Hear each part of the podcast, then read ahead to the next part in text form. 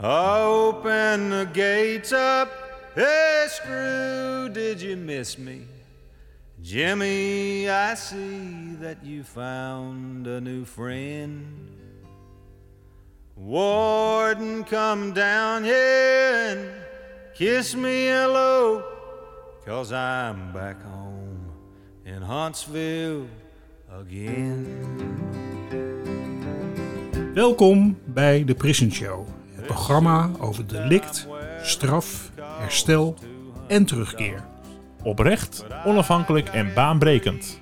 Want iedereen heeft recht van spreken en verdient erkenning voor wie hij of zij is.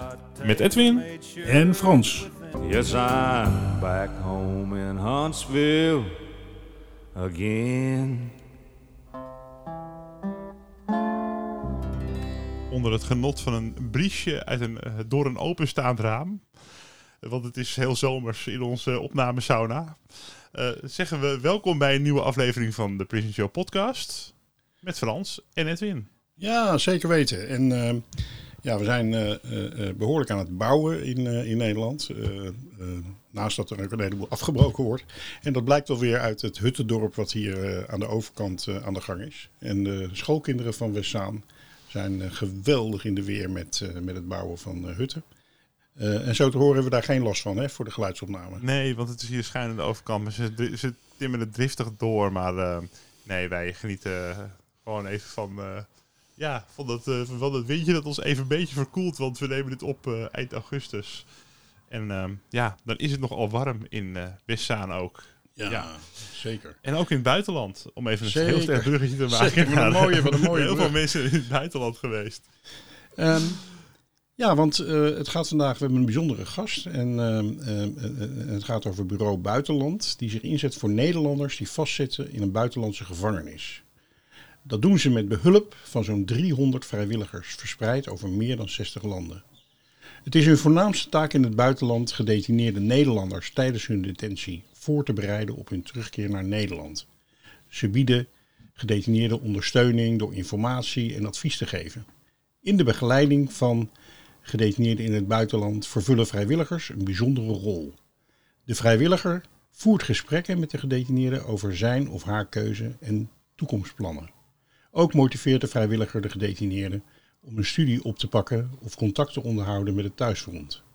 Vanuit het kantoor in Utrecht ondersteunen regiocoördinatoren de vrijwilligers.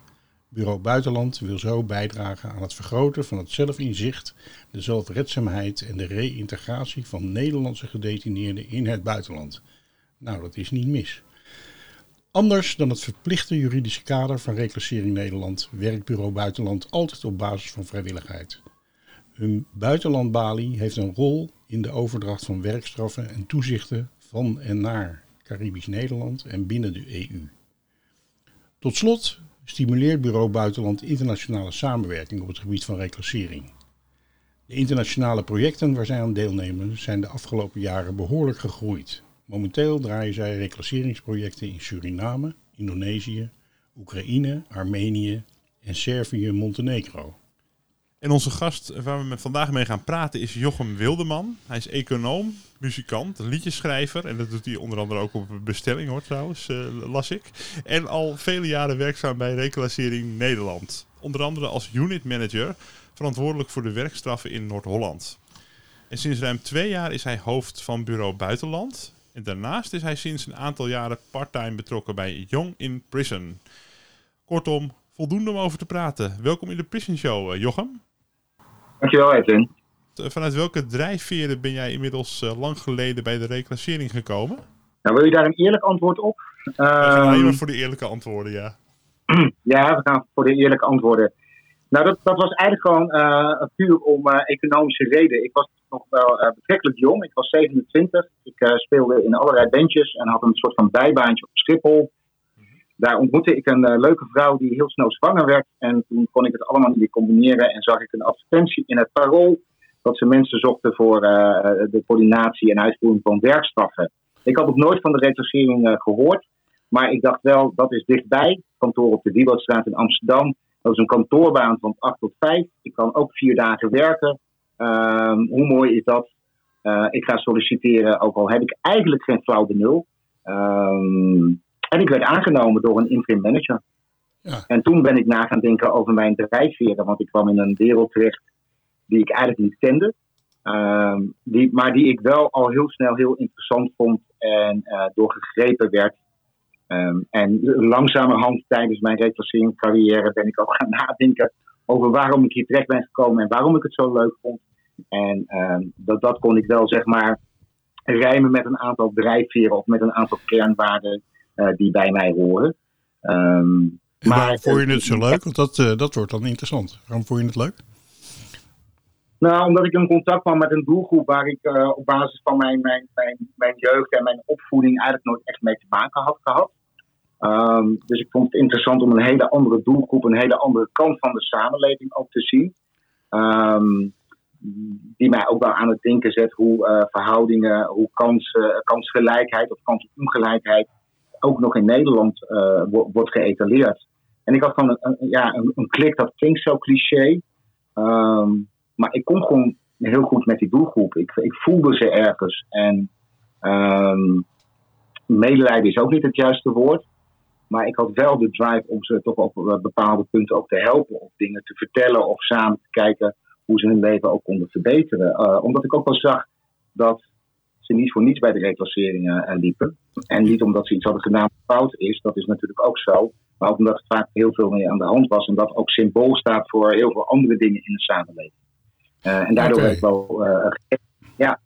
Dus je verwijst eigenlijk, uh, ja, is het woord compassie, is dat, is dat een gepast woord voor, voor wat, wat je voelt voor deze ja, mensen? On, onver, ja, onverwachte compassie ja. misschien. En um, omdat ik er nooit had, had gedacht, maar ik kom, ik heb ook de podcast met Johan Bak geluisterd. Hè. Ik, ook, ik kom uit een christelijk gezin. Um, en, en wel een opvoeding, mijn ouders hebben allebei in het onderwijs gewerkt. Mijn zus is nog dominee. Um, dus in de familie zit wel heel veel um, uh, maatschappelijke drive. Uh, dat heb ik ook altijd van huis ook, ook altijd wel meegekregen. Dus dat, mm. het, het relateert in die zin ook wel aan mijn opvoeding en mijn normen en waarden die je vanuit huis hebt meegekregen. Ja, je zegt eigenlijk ook iets over um, de, de, de individuele mens, hè, de tekorten die, die mensen hebben. Uh, en je zegt iets over de maatschappij. Dat het ook iets zegt over de maatschappij en de situatie in de maatschappij. Klopt dat? Dat mensen ja, in de problemen dat, dat, komen. Ja, ja natuurlijk. Uh, mensen hebben een eigen individuele verantwoordelijkheid. Maar uh, gaat denk ik te snel en te vaak uh, voorbij aan wat sociale, economische achtergronden zijn van mensen. nu in hun leven, maar ook in de, in de, in, als je terugkijkt in een groter perspectief. Ja. En dat daar kom je bij de reclassering. Dagelijks heb je daarmee te maken. Hè? Het is natuurlijk ja. het individu met zijn of haar leven. Maar het is ook wel de, vaak de achtergrond en de gewoon vrede, veel bredere context. Waardoor ze ook bij de reclassering lopen. Ja. In die zin is de reclassering ook echt wel een spiegel van, van spanningen in de samenleving. Of ja. zaken in de samenleving nou zouden we daarover en ook over de, de werkstraffen zouden we een aparte podcast kunnen maken. Want dat vinden we ook een heel interessant Zeker. onderwerp. Maar veel mensen uh, zullen uh, naar deze podcast luisteren omdat ze om een of andere reden belangstelling hebben voor uh, wat er gebeurt bij Bureau Buitenland. Dus laten we daar ja. op inzoomen. Um, heel concreet, hè? wie kan er contact opnemen met het Bureau Buitenland? En wat zijn vervolgens de stappen die gezet gaan worden? als de, de, de, de, hoofdtaak van Bureau Buitenland is om Nederlanders die in buitenlandse detentie zitten te, uh, te begeleiden en te ondersteunen. Um, eigenlijk kan iedereen die daarmee te maken heeft, dus hè, de, de, persoon die in uh, de bak in het buitenland zit, contact met ons komen, opnemen. Maar ook alle mensen die daar omheen een rol of een functie hebben. Dus dat kan familie zijn, een, een, partner zijn, hè, dat kan heel breed zijn, dat kan een vriend zijn. Uh, dat kunnen instanties zijn. Uh, daar moet je natuurlijk ook altijd wel mee oppassen met, met AVG en privacy. Maar iedereen die te maken heeft met een persoon ja. die in het buitenland vastzit, kan contact met ons opnemen. Ja. En er zijn ook uh, voorwaarden aan verbonden in die zin dat het wel iemand moet zijn met een Nederlandse nationaliteit, denk ik, of niet? Ja, degene die in het buitenland vastzit, ehm, die moet de Nederlandse nationaliteit hebben. Dat is correct. Ja. En ook terugkeren, terugkeren naar, willen keren naar Nederland na afloop van zijn detentie. Nee, dat is, dat, nee, ja, als, daar, daar hebben we een soort van, van focusprogramma's in op zwaarte, eh, eh, bepaalde zwaartepunten in ons begeleidingsprogramma's. Er zijn natuurlijk ook mensen die wel degelijk een, een Nederlandse nationaliteit hebben, maar niet van plan zijn om terug te keren naar Nederland. Ehm, maar ook die ondersteunen we. Maar ehm, dat zal minder intensief zijn, omdat een groot deel van ons ondersteuningstraject natuurlijk ook wel gericht is weer op de terugkeer van Ja. Nederland. Maar het is niet zo dat je dan uitgesloten bent van hulp of ondersteuning. Oké, oké. Ja. Ehm, nou, de, de volgende stap, hè, als iemand gebeld heeft, wat, wat gebeurt er dan vervolgens? Hè? De, Als het, eh, het normale proces is zo dat als mensen gebeld hebben, dan gaan wij schakelen met de, de ambassades. Wij werken heel nauw samen als bureau buitenland. Hè. Dat is ook uniek aan het werk van bureau buitenland met het ministerie van Buitenlandse Zaken. En dan vooral met de posten en de ambassades in het buitenland. Eh, een land heeft eigenlijk de wettelijke plicht, elk land in de wereld, om als een ehm, buitenlander gedetineerd is in hun land, dat door te geven aan de ambassade van waar die persoon vandaan komt. Mm. Die hebben consulaire medewerkers, die bezoeken die mensen en die kunnen dan bij ons op de lijn komen om te zeggen van oké, iemand wil zich aanmelden voor eh, ondersteuning van bureau buitenland. Ja. Het, het hulppakket bestaat uit twee gedeelten. Je kunt als buitenlander of als Nederlander in het buitenland in de, de gevangenis ondersteuning krijgen vanuit de ambassade. Dat heet consulaire ondersteuning. En dan kun je ook nog besluiten dat je extra ondersteuning wilt van bureau buitenland. Dus Ja. vaak krijgen wij de namen en de mensen door via de consulaire medewerkers. Maar soms gaat het fout. En heb je bepaalde landen waar het overheidsapparaat niet werkt of traag werkt, of heel bureaucratisch werkt. En komen mensen zelf bij ons op de lijn. En dan zullen wij de ambassades eh, eh, inlichten dat er iemand gevangen zit. Zodat ze daar naartoe kunnen gaan en eh, de persoon zich kunnen laten aanmelden bij ons. nou, nou zijn er wel meer mensen die, die op bezoek komen bij, ehm, bij gedetineerden. Hè? Het Rode Kruis bijvoorbeeld af en toe. En ehm, eh, bijvoorbeeld de stichting eh EPRA-VAS, of hoe heet ze ook weer? Vast. Ja, ja. Hoe, Ja. Hoe, eh, wat, eh, wat is het verschil? Wat, wat, eh, eh, wanneer gebeurt? Is, is- hangt het af van, van het telefoontje van eh, betrokkenen of de familie? Of eh, wie het gaat doen? Of bestaat het Nee, naast dat, eh, wij werken samen. Ja, wij werken samen met, met al die organisaties die die mensen ook bezoeken. Eh, en wij houden elkaar daar ook van op de hoogte. Eh, nou ja, je noemt eh, bijvoorbeeld Stichting EPAFRAS. EPAFRAS eh, is een stichting die ehm, zich wat meer richt op, op zingeving, op religie, op levensvragen. Die, die vaker ook een rol spelen als mensen gedetineerd zitten. Mhm. Ehm, dus die sturen bijvoorbeeld echt dominees naar de landen toe. Ehm, en wij zitten meer op, het sociaal, op de sociaal-maatschappelijke ondersteuning. We, hebben, we werken samen, maar we hebben een iets andere rol wat betreft onderwerp en, eh, en focus als het gaat om de, cliënten. Oké. ja. Nou hebben we best wel, eh, de Stichting Herstellen Terugkeer heeft heel veel contact met, eh, met families van ehm, eh, gedetineerden die in het buitenland eh, verblijven. Ehm, en we hebben ook verschillende, verschillende mensen geïnterviewd eh, in de loop van de afgelopen jaren die in het buitenland gezeten hebben. En wat we heel veel horen is dat ehm, ehm, iemand pas dingen kan regelen als hij of zij terug is in Nederland. Hè? Dus dat betekent in de praktijk soms dat mensen voordat ze een plek hebben moeten slapen in de opvang en ze een weg door de bureaucratie moeten afleggen alvorens inkomen, werk en woonruimte te kunnen krijgen. En ze moeten eigenlijk hier zijn. terugkomen in Nederland, voor je. Ja, ja dus, als, eh, ja, dus dan, eh, we hebben regelmatig, ik, ik, ga er een beetje vanuit dat het zo werkt. Hè? Dus, dus eh, je- je- er komen wel mensen op bezoek, maar ehm, ehm, als je wat wil gaan regelen, dan kan je dat pas als je in Nederland komt. Klopt dat? Dat klopt niet helemaal. Althans, ehm, er zijn mogelijkheden om juist al in die laatste fase, ehm, dus de fase waarin ook wij ons gaan richten op terugkeer van, van een ex-gedetineerde, het mogelijk is om mensen via bureau buitenland aan te melden voor nazorgtrajecten bij gemeentes. Wat dan wel vaak lastig is, eh, Frans, is dat mensen wel een, een soort van adres moeten hebben of een plek hebben, moeten hebben waar ze naartoe kunnen eh, gaan. We kunnen niet van tevoren een woonruimteuitkering regelen. Dat kan niet allemaal van tevoren in kannen en kruiken zijn. Maar wij kunnen wel op het moment dat we weten, nou, dan is de, de datum dat iemand vrijkomt en naar Nederland zal reizen, van tevoren met gemeentes waar, we, eh, waar ze naartoe willen gaan, of waar ze een oud woonadres hebben, gaan schakelen met zorgcoördinatoren. Om te kijken wat er nodig is als iemand uh, weer terugkomt naar Nederland. En dat doen we jaarlijks toch uh, bijna tussen de 250 en 300 nazorgtrajecten. Dus we hebben echt met heel veel gemeentes uh, hele goede contacten om toch Mhm. te kunnen schakelen. Dus dan begint het maar al. eh, het wel willen. Dus dat- ja, natuurlijk, natuurlijk. Ja, ja, veel mensen die, die ik spreek, die willen, die willen, die hebben eh, een beetje eh, eh, moeilijk contact met hun familie bijvoorbeeld, hè? En, en Ja. geen netwerk meer in Nederland. Eh, ja, dat speelt zeker een Familie belt mij dan en dan, en dan eh, zeggen ze van ja, eh, weet u niet eh, iets? Want hij kan bij niemand verblijven. Dat zijn vaak mensen die ook bijvoorbeeld heel erg verslaafd zijn geweest in Nederland. En een beetje hun schepen achter zich verbrand hebben. Ehm, Ja. Maar als er dan een familielid zou zijn die zegt van nou, in principe zou die wel bij mij ingeschreven kunnen worden. Dan zou Ja. zo'n project eh, eh, in principe kunnen plaatsvinden, of niet? Ja, zeker. Zeker. Als er een, eh, een woonadres is of als iemand weet, nou daar ga ik wonen in die gemeente, dan kunnen wij van tevoren al gaan schakelen met die gemeente. En dat kan vaak ook een samenspraak zijn, bijvoorbeeld met dat familielid.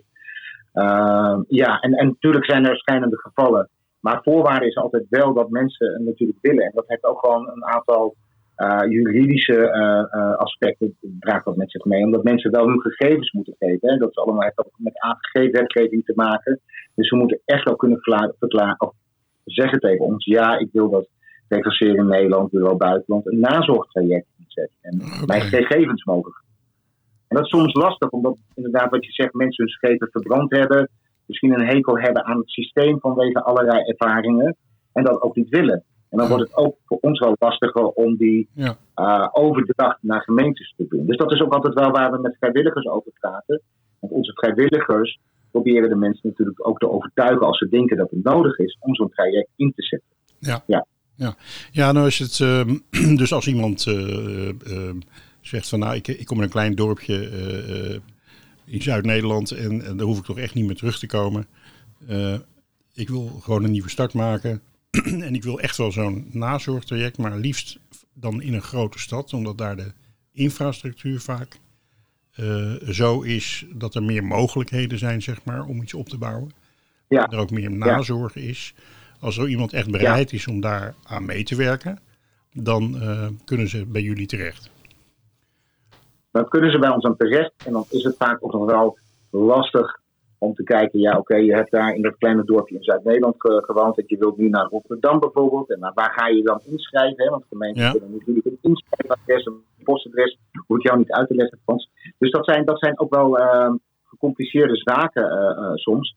Wat wel leuk is om te vertellen is dat we um, zijn begonnen met een pilot met Exodus. Mm -hmm. Jou ook niet onbekend. Nee, dat we met Exodus hebben afgesproken dat bijvoorbeeld voor, voor die hele moeilijke gevallen um, we ook mensen in Exodus-huizen kunnen plaatsen. Juist om die transitiefase makkelijker te maken. Oh, dat is wel heel interessant inderdaad. Dat is wel heel interessant. Ja. En ja. Um, nou, dat is, daar ben ik heel blij mee. Daar hebben we hmm. ook de afgelopen maanden hard gewerkt. Uh, met dank ook aan Exodus, die heeft gezegd van uh, uh, het maakt niet uit of daar een soort van voorfinanciering is.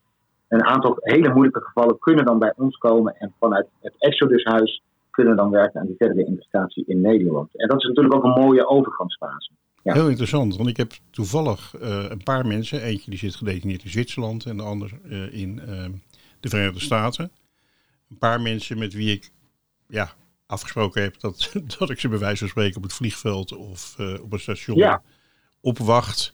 En dan ga je naar de grote stad en dan moeten ze eerst in de dakloze opvang en langs een aantal instanties om überhaupt iets op te kunnen bouwen. Maar dit is dan ook wel een mooi ja. alternatief.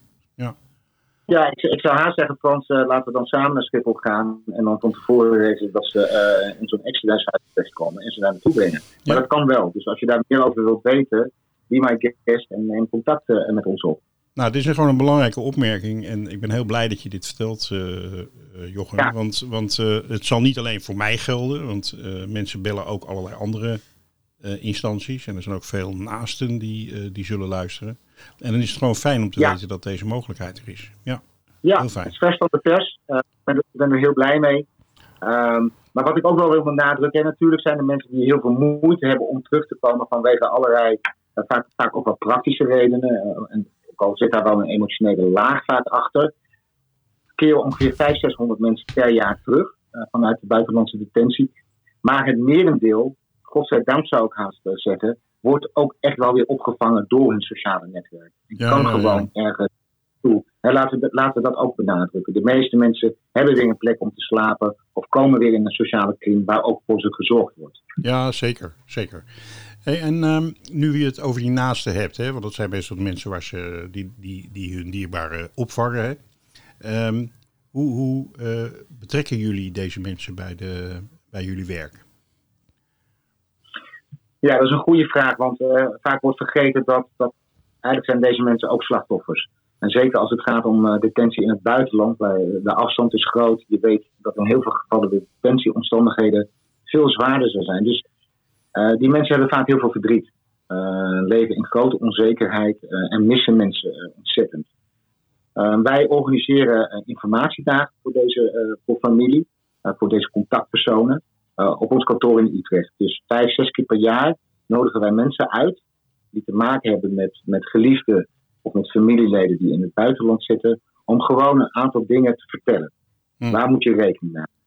Eh, hoe werkt dat met die vrijwilligers? Eh, wat zijn de mogelijkheden tot eh, eh, eh, strafoverdrachten? Eh, waar moet je mee rekening mee houden als iemand terugkomt? Ehm, zakelijk, emotioneel. Die dagen zijn altijd vol voor ons. Ja. Ehm, maar nog belangrijker is, is dat op die dagen mensen die in hetzelfde schuitje zitten elkaar ontmoeten. Hè, dus dat lotgenotencontact noemen we dat. Ehm, en dat werkt heel goed, want mensen zijn met mensen die, in een, ja, die dezelfde ervaring hebben, hetzelfde verdriet. Ja. Dus kunnen ook ervaringen met elkaar en hebben vaak daarna ook nog contact met elkaar. En dat werkt denk ik heel heilzaam ook. Dus je hebt Ja. hele praktische, wat, wat, wat eh, inf- informatieoverdracht, maar door die mensen bij elkaar in één ruimte, in één lokaal te brengen, ontstaan er ook vriendschappen en kunnen mensen, ja, gedeelde smart is halve smart, gaat niet altijd op, maar zo werkt het soms wel een klein beetje. Nee, maar zeker. En ehm, nou ja, goed. eh, wat in ieder geval van belang is, denk ik, is eh, om het linkje eh, in de show notes te zetten, zodat mensen dit kunnen vinden, die dit horen. Ja. Dat dit gebeurt. Ja. En daarnaast ja, heb je misschien wel gehoord dat wij als Stichting Herstellen Terugkeer samen met een aantal andere organisaties ook actief zijn om iets te doen aan ehm, eh, eh, voor naasten van gedetineerden en met naasten van gedetineerden. En die naasten zijn ook van plan om een, eh, een, een soort steunpunt, een steun- en adviespunt in te richten. En waar al dit soort informatie, ook de informatie die jij vertelt, aanwezig is. Zodat mensen Ja. daar terecht kunnen, om het zo maar te zeggen. Ja. Want eh, de Ja, ik hoorde bemoeienis... Johan, ook- Hm? ja. Ik hoorde Johan in de podcast die je met hem opnam hier ook wel iets over zeggen. Hè? Dat Ja, de, de, de naasten van gedetineerden vaak natuurlijk ook slachtoffers zijn. Dat zit helemaal niet onze, in onze scope.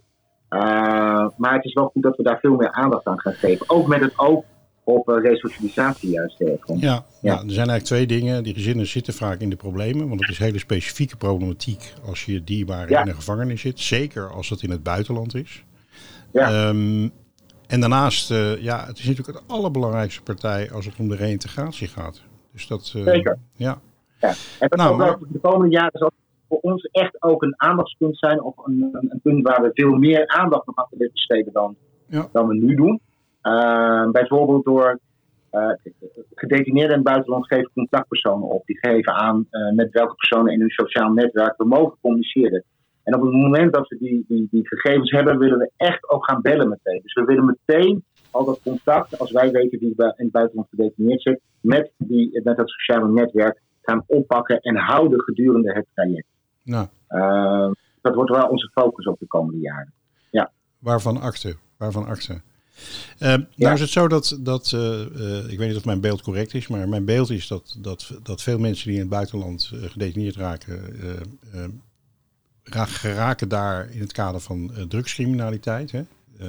smokkelen ja. van drugs en allemaal dat soort dingen. Klopt dat? Dat dat het merendeel is? Ja, dat is wel aan het wantelen. Vroeger was dat echt 60, 70 procent. Dat is nu in, in wat, wat teruggelopen naar 50 procent. Mm. Wij zien ook wel bij Bureau Buitenland hoe, uh, wat de criminele trends zijn, zeg maar, een beetje in de wereld. Omdat je dat ook kunt relateren aan de delicten die mensen, Nederlanders in het uh, buitenland hebben gepleegd. En wat we bijvoorbeeld nu zien, is dat we bijvoorbeeld in Oost-Europa een, een, grote toename zien van mensen die gedetineerd raken omdat ze betrokken zijn bij mensensmokkel. En vaak zijn dat gewoon uh, de jongens onderaan uh, de ladder, die uiteindelijk het uitvoerende werk moeten doen en geronseld worden door, door criminele bendes die zich bezighouden met mensensmokkel. Maar daar zien we bijvoorbeeld nu een enorme toename in. Ja. Um, het drugs blijft wel, wel de nummer één, zeker. Maar we zien wel een, een, we kunnen ook een verschuiving zien. Ja, wat je, wat je ook veel ziet, uh, want het is, het is heel risicovol heel om drugs te smokkelen en ook om ja. het, het voetenwerk te doen in, in, in allerlei andere vormen van criminaliteit. Dat is kwetsbaar, dus dat gebeurt ook vaak door mensen die dat vanuit een soort uh, uh, vervelende situatie of een noodsituatie gaan doen om snel aan geld te komen. Ja, ja um, zeker. Ja, het klinkt een beetje als een open deur, maar, maar zijn er manieren waarop je, waarop, je, waarop je dit zou kunnen voorkomen, dat deze mensen daarin stappen? En heb ik het nu eventjes over de Nederlanders, hè? want uh, internationaal is het natuurlijk zo dat, ja, zeker uh, uit landen waar, waar grote armoede is en grote problemen, uh, mensen vaak met, met drugs in een vliegtuig stappen.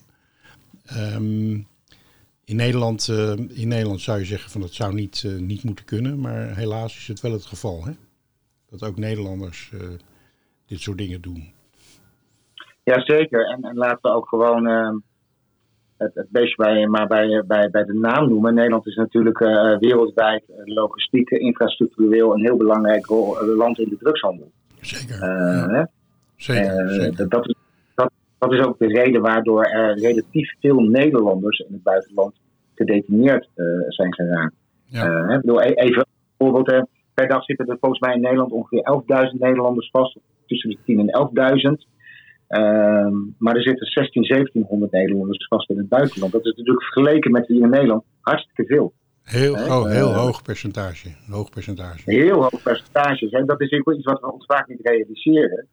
Um, en even terugkomend op je vraag. Um, ja, dan, dan, dan kom ik toch ook wel weer uit bij termen als, als preklasseren. Hè? Dus dat je hier inderdaad de, de zwakke broeders die, die vatbaar zijn om, om drugs te gaan smokkelen of in een busje mensen te gaan smokkelen over grenzen. Ja, hoe kun je die, dat hier op lokaal, regionaal niveau uh, door de reclassering, maar ook door andere maatschappelijke in de gaten houden. Ja, ja, tot het, ja. En ook het sociale netwerk speelt er natuurlijk een rol bij.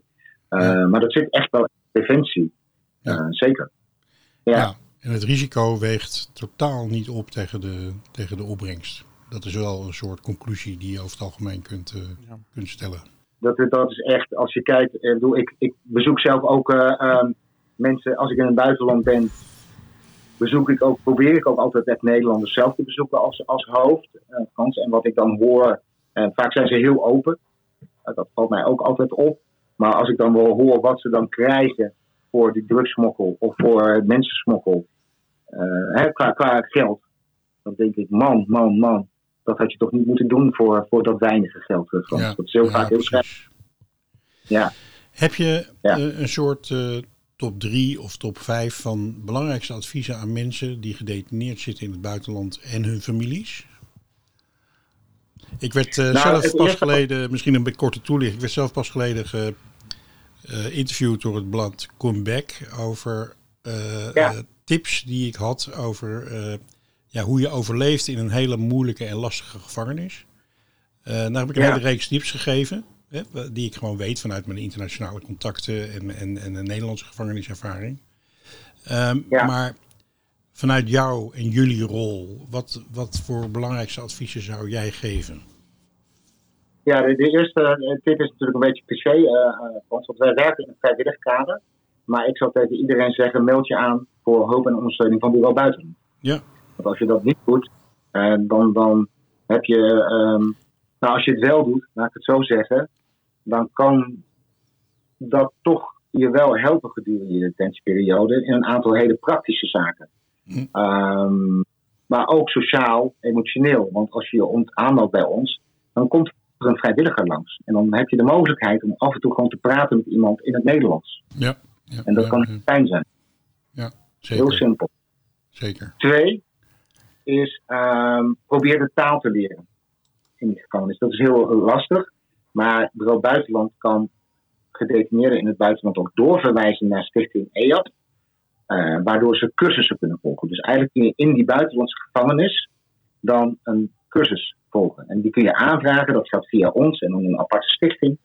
En kun je gewoon leren in de gevangenis. Hmm. Want voor, het is vaak heel lastig om, om eh, ja, je te vermaken in de gevangenis. Maar Ja. hoe mooi is het als je die tijd toch kunt gebruiken door een aantal certificaten te halen of door een taalkursus te doen. En dan red je je ook veel ook beter natuurlijk als je wat van de taal Ja. kent. Ja. Precies. En dan kun je ook veel beter eh, uitdrukken en vertellen wat je voelt, wat je wilt in die omgeving. Ja. Ehm, en drie, hè, want je vroeg om de top drie. Hè, eh, Ja.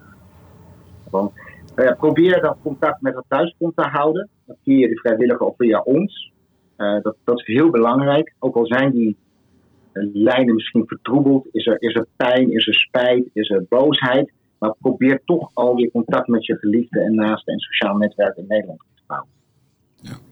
Probeer dat vast te houden. Ja. Schrijf. Duidelijk. Duidelijk. Schrijf brieven. Ja. Ja. Ja. Heel, eh, heel interessant. En ik hoor ook dingen die ik nog niet wist, ondanks mijn, eh, mijn achtergrond. Dus eh, ja, heel erg bedankt Ja. daarvoor. Ho- Hoe stimuleert Bureau Buitenland internationale samenwerking op het gebied van reclassering? Hoe doen jullie dat? En, en misschien kan je het daarna ook even plaatsen in de samenwerking of de plek die jullie hebben ten opzichte van allerlei andere organisaties die daarmee bezig zijn. Ja, wij, ehm, de, de tweede taak van Bureau Buitenland is dat wij eh, meedoen aan internationale projecten op het gebied van eh, eh, staatsrechtelijke opbouw. En dan specifiek natuurlijk het reclasseringsgedeelte. En dat is vaak toch wel heel belangrijk als je, eh, nou, als je je rule of law, zoals dat zo mooi heet in, in, in het Engels, wilt verbeteren in een land. Ja, en er zijn heel veel landen. Hm? Ja? Ja, wat, wat meestal de, de, de methodiek is hè, eh, van organisaties, bijvoorbeeld van, eh, van het Helsinki-comité of het Global Initiative Ja. of Psychiatry, is dat ehm, er wordt een tender uitgeschreven, bijvoorbeeld door de Raad van Zeker. Europa of Ja. vanuit een land. Ehm, Of vanuit de EU. ja. Eh, en Ja. Daar, daar wordt dan door partijen ingeschreven. Ja. die, en, en dan, het is een tender, dus dan wordt het gegund aan een partij. En zijn Ja. jullie dan, doen jullie dat zelfstandig of ben je onderdeel van een tender die door anderen wordt, eh, waar, waardoor waar anderen Ja, aan meedoen? laatste. Ja? vaak dat laatste. Eh, eh, die tenders worden uitgeschreven. Nou, je noemt al het Nederlands Helsinki Co- Committee. Daar werken wij heel nauw mee samen. Net zoals het SILK, dat is ook een NGO Ja. op dat gebied, op uh, van Rule of Law. Maar wij zijn uiteindelijk de specialisten als het gaat om, eh om reclasseringswerk. Om Mhm. opbouw van Dus zij komen bij ons op de lijn en wij doen dan mee als een subcontract, om het zo maar te noemen. En wij leveren dan de specialisten en de, eh, de, de experts op die deelgebieden reclassering in internationale projecten. Maar daar is wereldwijd natuurlijk nog een enorme wereld aan te winnen. Bedoel, wij leven in Nederland en er gebeurt ook van alles in Nederland. Maar ik kan toch ook, durf ook wel met droge ogen te vertellen, Frans, dat in Nederland een aantal dingen ook best wel goed zijn geregeld. Zeker als je veel in het buitenland ziet. En waarin je ziet hoe dingen, hele basisdingen in onze optiek niet zijn geregeld. Ehm, maar er is nog een wereld te winnen aan, aan meer reclassering in de wereld. Ik noem dat altijd less, less prison, more probation. Hè? Een beetje onze hashtag als het Ja. gaat om onze internationale projecten. Dus ehm, daar, daar, ja, daar kunnen wij de komende jaren nog volop mee vooruit. Zeker omdat veel meer, steeds meer landen wel realiseren dat ouderwets traditionele gevangenissysteem, heel, heel puni- punitief ingericht, ja, dat werkt uiteindelijk niet als je mee wilt in de vaart der volgen naar een, een veiliger en een vriendelijker samenleving. Dat is heel simpel. Daar geloof ik ook in. Eh, als je hard straft, dan eh, karma is a bitch. Dan, eh, dan blijft je land, zal je land nooit zich echt verder ontwikkelen. Als het gaat om mensenrechten, als het gaat om beschaving, om, om dat woord maar eens te noemen. Re- Reclassering gaat ook over beschaving. Nou, NRC en komen bij ons op de lijn en wij leveren dan de experts, de trainers, ehm, om reclasseringspraktijk te introduceren en mensen te trainen. Ja, ja, ja. vaak vanaf de grond af. Ja, ik ken een aantal projecten eh, van jullie. Ik ben zelf eh, met het Global Initiative en de Vrienden van Preluki onder andere eh, in Oekraïne actief. Maar ik ken ook eh, rechters en dergelijke die, die dus met de reclassering ook samen daar ook projecten Ja. doen. Eh, Rutger Wery misschien? Ja, die ken ik. Ja, ja.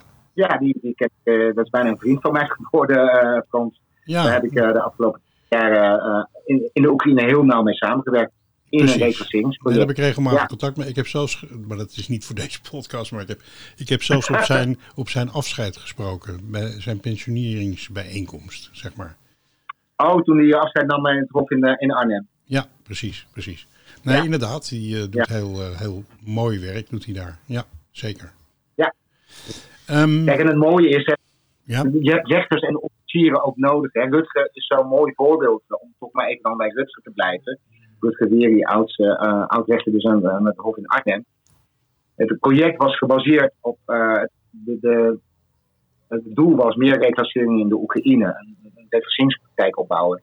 Maar zo'n project, de mensen uit Nederland, dat is dan een integraal team. Omdat reclassering natuurlijk altijd in de keten eh, gezien moet worden. Hè? Want zonder samenwerking in de keten is reclassering ook niets. Hè? Dus je moet rechters hebben en officieren die ook het werk van de reclassering eh, begrijpen en voelen.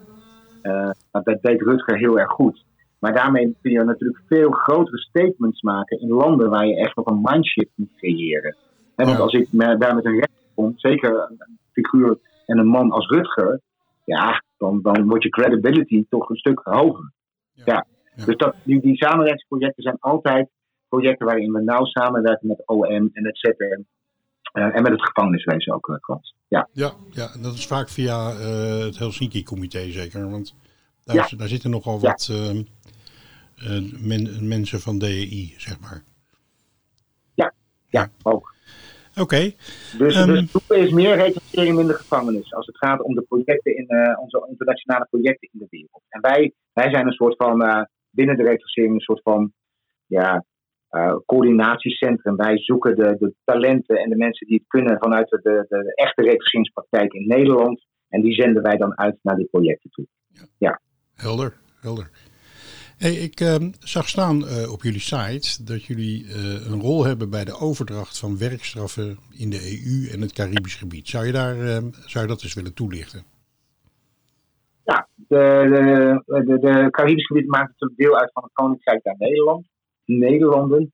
Dus er is, eh, het is mogelijk om straffen uit te wisselen. Dus iemand die hier een werkstraf heeft, maar teruggaat naar, naar de, de, de Antillen, die heeft de mogelijkheid om die werkstraf daar dan bijvoorbeeld te doen. Geldt En vice versa. alle, geldt dat voor alle Antillen? Want die hebben allemaal een verschillende status, hè?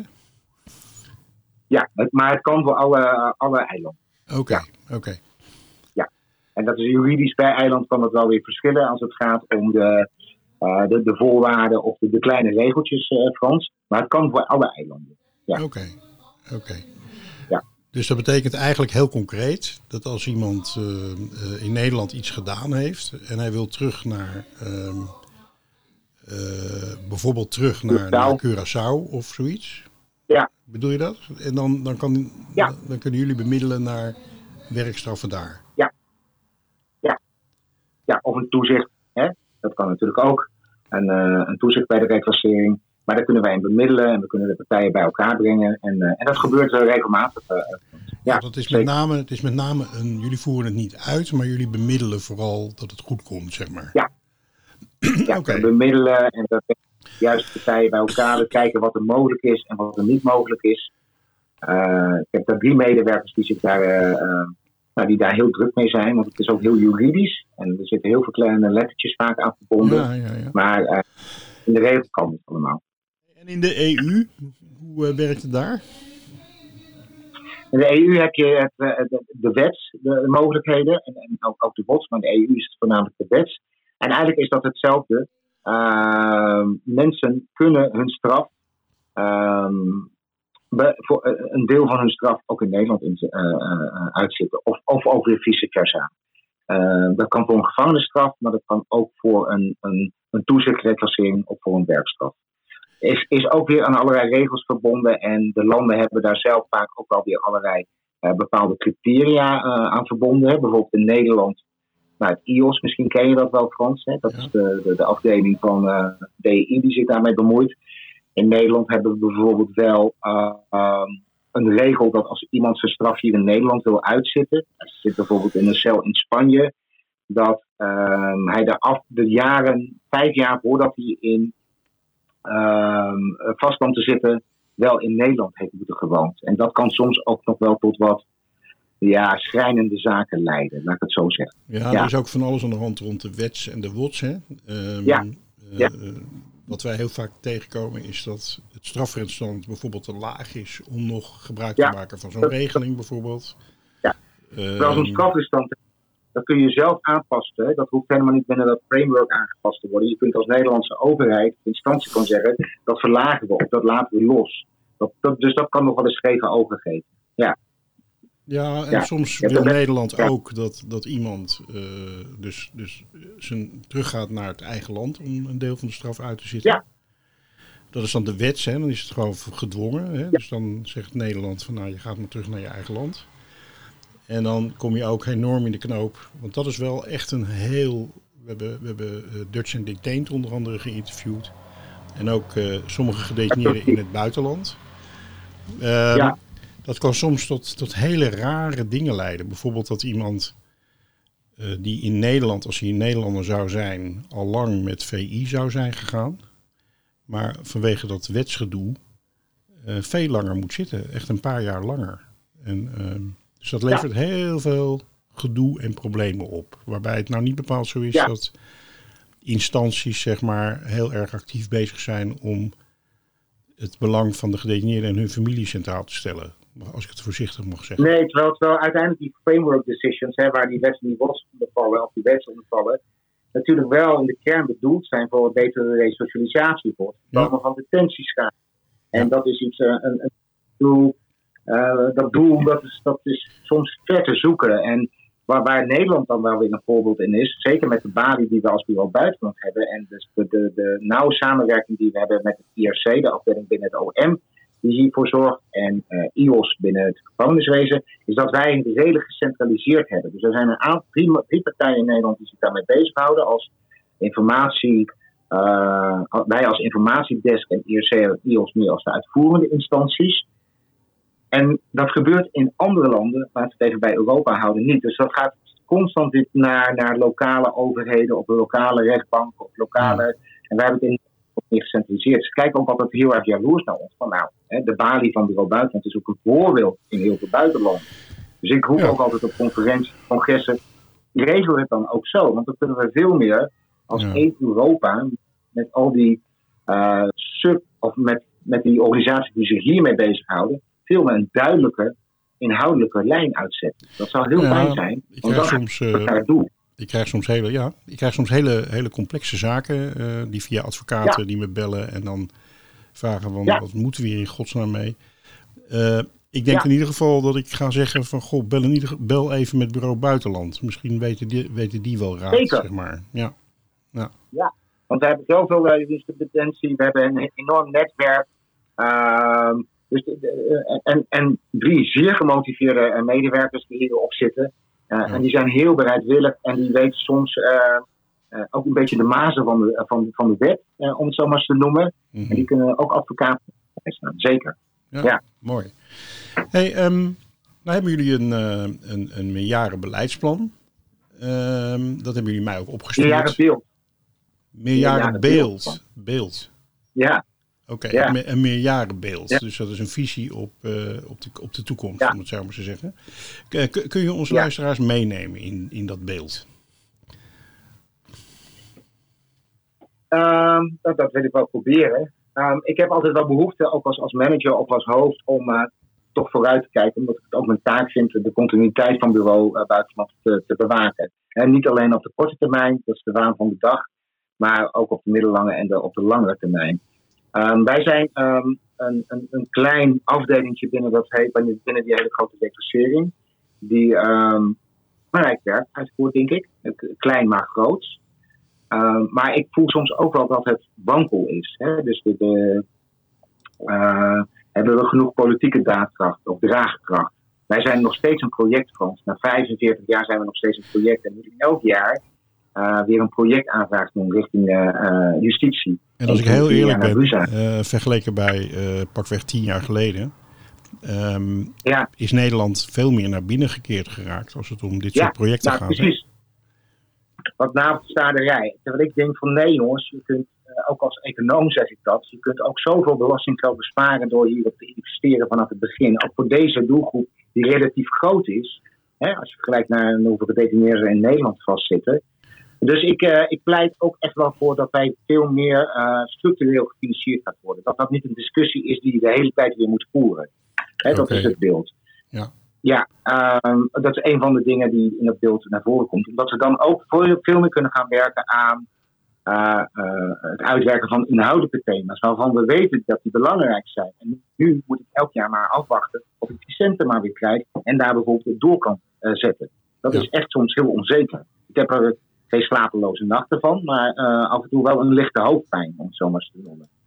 Um, en daar moeten we ons ook wel, daar moet de politiek zich ook wat meer van bewust zijn. Verder denk ik dat we als Nederland een enorme kans hebben om ook nog te investeren in die internationale projecten. We bestaan 200 jaar als reclassering volgend jaar. We hebben een hele mooie reclasseringspraktijk ook wel opgebouwd. Uh, dat is expertise die je ook wil, deel, delen met landen waar de reclassering nog wat minder is ontwikkeld. Uh, dus laten we dat ook uitdragen. Laten we dat met trots doen. Laten we dat uh, vanuit een mondiale gedachte doen. Dat reclassering bij kan dragen aan uh, een vriendelijke en een veilige samenleving. En dat de boodschap zijn, sluit ook niet iedereen zomaar op. Ja. Ik denk ook aan de alternatieve reclassering. En daar kunnen wij zeker, gezien onze langdurige geschiedenis, ja. een steentje aan bijdragen. Dus dat meer gaan doen, dat is ook een doel. Ja. ja. Nou zie je dat in, het, in een aantal buitenlanden mensen vaak uh, um, voor, voor kleine delicten, voor, die wij min of meer als, als, als overtredingen bijna zien, uh, flinke gevangenisstraffen krijgen. Um, ja. In Nederland is de situatie natuurlijk anders. In, in Nederland uh, is het zo dat, dat de mensen die vastzitten over het algemeen wel een, een aardig delict gepleegd hebben, zeg maar. Um, maar ook bij ons is het zo dat 80% van de gedetineerden korter dan een half jaar zit. Ja. En als ik denk aan een alternatief, zowel voor die lange gevangenisstraffen als voor die korte gevangenisstraffen, dan uh, zou ik zeggen van nou, uh, misschien is het een idee om als alternatief daarvoor iets te doen aan de problemen waardoor die mensen in de gevangenis terechtkomen. Um, um, je ziet bijvoorbeeld, ik ben in heel veel landen geweest ook uh, in het kader van projecten. En wat je dan Mhm. vaak ziet in het buitenland is dat er is helemaal geen infrastructuur buiten. Hè, op het gebied van zorg. Of bijna niet. Nee. Uh, Nee. Dus blijven mensen maar in de gevangenis of in een forensisch psychiatrische kliniek zitten. Um, Ja. Ik kan me voorstellen dat, dat het, de opbouw van de reclassering daar iets aan zou kunnen doen. Vind jij dat ook? Of, uh, Ja. Maar wat, wat bedoel je eh, precies, eh, Frans? Bedoel, eh, je zegt van ja, door de omstandigheden komen ze natuurlijk ook in die gevangenis. Hè? En wat, wat kan de reclassering in dat, in dat voortraject doen? Nou ja, wat, wat kan de, de opbouw van een reclassering doen aan het feit dat mensen in de gevangenis terechtkomen? Eigenlijk heel kort gezegd. En dat als alternatief voor gevangenisstraf. Ja, als het, nou ja, je kunt natuurlijk. ehm, ik ga, ik ga in. ehm, even kijken, over een maand ga ik naar eh, Indonesië. eh, Frans. Mhm. Ik denk dat het misschien wel een voorbeeld is. In Indonesië zitten de gevangenissen overvol. Mhm.